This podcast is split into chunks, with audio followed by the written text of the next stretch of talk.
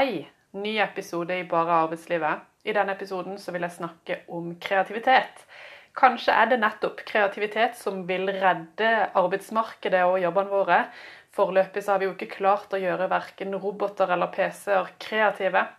Og jeg vil også snakke om eh, vår nye finansminister som denne uka sa at vi bare kan glemme å jobbe mindre nå og fremover. I morgen så svarer han i Dagsavisen og sier at hans utspill gir meg kjærlighetssorg. Mitt navn er Hege Helvik, og jeg er utrolig engasjert i arbeidslivet. Send meg en mail hvis du har erfaringer eller innspill på arbeidslivet at hotmail.com. I denne episoden vil jeg snakke om skilsmisser og kreativitet. Denne uka fortalte finansminister Jan Tore Sanner oss at vi bare kan glemme kortere arbeidstid. Hans økonomer i Finansdepartementet har regna på dette og sier at dette ikke lar seg gjøre. Saken er avslutta. De samme økonomene og den samme politikeren vet også så inderlig godt at i år 2030 så vil velferdsstaten gå i minus. Hvis vi fortsetter som i dag. Og det er jo det Sanner nå forteller oss, at vi bare skal fortsette som før. Lukke øynene, ikke bry oss, bare gå på jobb med bøyde nakker og fortsette å stresse på oss diverse livsstilssykdommer som hjertelidelser og diabetes. Og det er jo en viss fornuftig økonomisk gevinst i dette, da, at folk må kjøpe mer medisiner. Det øker jo også kjøpekraften på en eller annen måte. Men jeg vet ikke helt om det er så positivt for folkehelsa og, og miljøet som sådan. Disse medisinene går jo gjennom systemet vårt og ned i do. Og et eller annet sted så må jo disse greiene bli av. Dette er jo en digresjon, en liten en, men for noen år siden så var jeg på et plantekurs. Der lærte jeg at urin funker som gjødsel til plantene våre. Hvis du blander litt urin med masse vann, så vil det gi plantene god næring. Men det var ikke så lurt å bruke urin fra voksne pga. alle medisinene vi brukte, sa hun som holdt dette plantekurset. Men eh, heller urin da fra barn. OK. Sann og minner meg så eh, altfor mye om folk som prøver å jobbe seg bort fra problemene sine. Og jeg har snakka med mange av de, og også i perioder føler jeg at jeg er en av de sjøl. Her er det nemlig et mønster som går igjen. Hvis du syns at livet ditt er kjipt, dra på jobb. På jobb så kan du begrave deg i masse oppgaver, og så kan du glemme det som skjer i andre deler av livet ditt. Har du en eksistensiell krise, dra på jobb. Orker du ikke forholde deg til krevende tenåringer, dra på jobb. Syns du mannen eller kona di maser eller er en surpomp? Ikke prøv å fikse det, bare dra på jobb og glem det hele. Har du gått gjennom et samlivsbrudd? Dra på jobb, for på jobb så får du det til. Og du trenger ikke å forholde deg til at livet noen ganger gjør vondt. I tidligere episoder så har jeg nevnt at vi er dårlige til å håndtere problemene våre. Og det er akkurat her vi er midt i kjernen av den vanvittige oppførselen vår. Jeg har sett særlig menn sitte til langt utpå kveld på lørdager og på søndager på kontoret for å jobbe. Det er jo bare å ta seg en tur i byen og se på fredag, lørdag og søndagskvelder. Og du vil se de overalt. Og de har egentlig ikke så veldig dårlig tid, ser det ut som. For de sitter jo gjerne og scroller på nettaviser, og den eneste grunnen til at ikke de drar hjem, er fordi at de ikke vil forholde seg til livet på hjemmebane, som er kjipt. Kanskje aner de at en skilsmisse nærmer seg, eller kanskje er de allerede skilt. Jeg vet ikke. Men det er det jeg tenker hver gang jeg ser menn sitte alene på kontoret rundt forbi i denne byen seint på kvelden. Eller når jeg leser om folk i aviser som har gått gjennom tre skilsmisser i en alder av 40. Da tenker jeg du håndterer ikke problemene dine. Det er så vanvittig mange folk i dette landet som velger jobben fremfor ekteskapet. Og det er fordi det, at det er så mye lettere å gå på jobb, og gjøre det du er god på. Det er krevende å ha barn. Det å ikke ha mann og barn når alle andre rundt deg forventer at du skal ha det, det er også krevende. Når noen blir syk og dør, det er også krevende. Men det er en del av livet. Livet er krevende for de aller fleste av oss, og vi må lære oss å håndtere de vanskelige tingene også. Susan David har skrevet en bok som hun kaller 'Emotional Agility'. Og det var kanskje undertittelen som gjorde at jeg kjøpte denne her boka. Get unstuck, embrace change and thrive in work and life. Jeg tror hun hadde noen gode poenger innledningsvis i boka, men det ble veldig mye fyllord mot slutten, så jeg er usikker på om jeg vil anbefale den. Men hun har en TED-talk, Susan David, for de som er interessert. Uansett, jeg husker noe av det hun skrev, som jo er et poeng at vi mennesker har flere negative følelser, iallfall det vi anser som negative, enn positive. Vi kan føle sinne, redsel, forakt, tristhet, være nervøse eller stressa. Alt dette er jo følelser som er her for å hjelpe oss. Eh, de forteller oss at noe må gjøres med situasjonen. Kroppen vår er eh, klar over at den er en faresituasjon. Så selv om de er negative og føler på for mange, så er de jo positive i den forstand at de hjelper oss. Men så har vi jo ikke da så mange av de gode følelsene som sier at 'nå har vi det bra'. Vi kan jo være glade, opprømte, forelska, og det fins mange andre fine begreper. Men de er gjerne litt sånn kortvarige. Og på samme tid som vi da har flere vonde enn gode følelser, er vi en del av et samfunn hvor det er forventa av deg at du skal være og bære de gode følelsene hele tida. Vi går rundt og later som at ekteskapet skal være en stormforelskelse hele tida. At det å få barn bare er en dans på roser og at det å være menneske, det å være til, er en helt tipp topp greie. Men som jeg nevnte i episode 9, så er det faktisk en standard i våre hjerner at vi graver oss ned i problemer og utfordringer. Hvis ikke vi fyller tida vår med noe, så sitter vi jo igjen og bare graver i vår egen møkk. Og én en enkel ting å fylle tida vår med, hva er det? Jo, jobben vår. Vi bare jobber oss ut av alle problemene våre. Den dårlige nyheten er at det egentlig ikke funker. Du legger jo bare et lokk på den stemninga som det er mellom deg og din ektefelle. Og når du har tatt på deg mange nok overtidskvelder og helger for å komme unna den dårlige stemninga på hjemmebane, hva skjer da? Jo, en skilsmisse. Det er det som skjer. Og når finansminister Sanner er ute og forteller oss at vi bare kan glemme å jobbe mindre, så er det jo egentlig akkurat det samme jeg føler at skjer her. Han velger overtidsarbeid fremfor å håndtere de problemene vi står i akkurat nå. Jeg sier ikke at dette er en enkel sak. Tvert imot. Vi må jobbe hardt for å finne en bedre måte å organisere samfunnet vårt på. Men det som er enkelt, og som jeg ikke tviler på, er at hvis vi fortsetter som i dag, så vil det bety en skilsmisse med velferdsstaten vår. Min kjærlighetssorg kan du lese om i det åpne brevet jeg sender til Sanner i Dagsavisen på mandag. I denne episoden skal jeg jo snakke om kreativitet, og nå har jeg kommet til det. Jeg har jo tatt opp fotball igjen denne høsten. Eh, spilt sammen med en gjeng musikere, kreative folk som heller ikke trenger å være på jobb mandag morgen. Og jeg tror jeg trengte å bryne meg på noen med, på min egen størrelse. Det er et par år tilbake jeg sparka ball med en ung gutt. Og jeg ble til slutt så ivrig at jeg eh, sparka ballen rett i planeten på han. Ikke mitt stolteste øyeblikk. Etter mange år med jentefotball da jeg var ung, så trodde jeg jo at min fotballæra var forbi, men forsto også at jeg hadde noe krutt igjen, da, siden jeg drev og skada smågutter med løkkefotball. Så da spørsmålet kom om ikke jeg ville være med og spille fotball, så var det ganske umiddelbart et ja. Og jeg er, eller trodde jeg var motstander av organisert idrett. Jeg vil jo heller trene når jeg sjøl har tid og lyst, som i teorien blir sjeldent eller aldri. Og kanskje er det litt synd å si, men det å spille fotball med denne her musikergjengen en gang i uka var det gøyeste jeg gjorde disse åtte månedene som jeg var utenfor arbeidslivet. Jeg gikk hardt inn i begynnelsen og pådro med diverse småskader, mange av de selvpåført. Jeg trodde jo at jeg var 14 år i hodet igjen, men kroppen var ikke helt enig. Men det har jo da blitt kjapt bedre, og på kort tid så har jeg fått mye bedre helse og form. Altså en fordel med å ikke jobbe. Man blir faktisk i bedre form hvis man gir det en liten sjanse. Og jeg har funnet en fotballglede igjen som jeg aldri har hatt før, for nå er det jo bare veldig gøy. OK, denne fine gjengen som jeg spiller fotball med, mange av de er musikere som jo er et kreativt yrke. Og da en av musikerne fortalte meg at han var i en kreativ fase, så var jeg ganske kjapp med å spørre han eh, hvor han finner kreativitet. Og det er kanskje litt sånn vanskelig å innbille seg at en konsulent er interessert i kreativitet, men det er jeg altså. Og jeg mener jo sjøl at jeg bruker mye tid på kreativ tankevirksomhet i min jobb på tross av at jeg jobber i konsulentbransjen.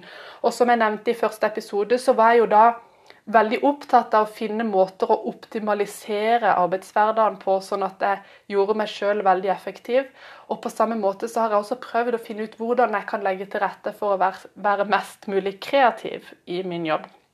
Så da jeg spurte denne musikeren rett ut hvordan gjør du det, eh, og jeg syns han ga et veldig godt svar, på tross av at spørsmålet kanskje var litt uventa. For han fortalte at han fant det andre steder gjennom å lese nye ting og se nye ting. Og dette er nok bud nummer én når det gjelder kreativitet. Let andre steder utenfor din hjemmebane og utenfor din komfortsone. Tverrfaglighet skaper kreativitet. Innenfor skolesektoren nå er det populært å blande fagene norsk og matte. I mitt hode så høres det ganske keitete ut, og særlig for lærerne som må finne nye måter å undervise på. Men det er noe i det. Blant to fag som tilsynelatende ikke har noe med hverandre å gjøre, og se hva som skjer. Selv om det er ubehagelig for lærerne. Og så er det noe med alder her. For vi har jo lagt til barna våre at de er kreative, og de er jo det. Jeg blir jo kjempeimponert over disse tegningene som min egen unge lager. Og de er jo veldig kreative. Men egentlig ikke. For hvis vi hadde samla hele landets tegninger gjort av barn mellom fire og seks år, så ville de jo sett ganske like ut, mange av de.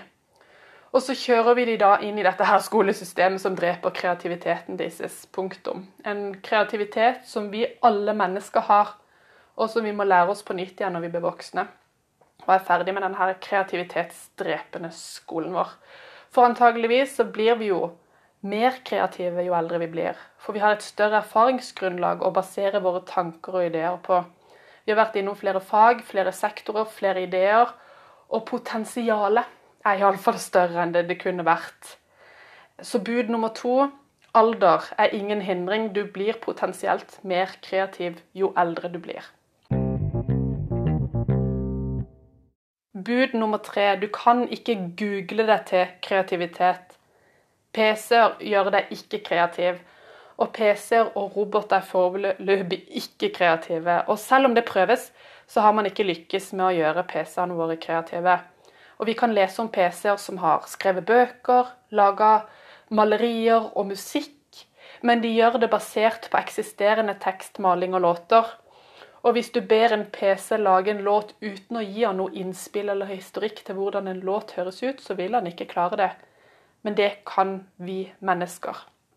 Jeg har jo det med å finne forfattere med vanskelige navn, men han heter altså Leonard Mlodinov.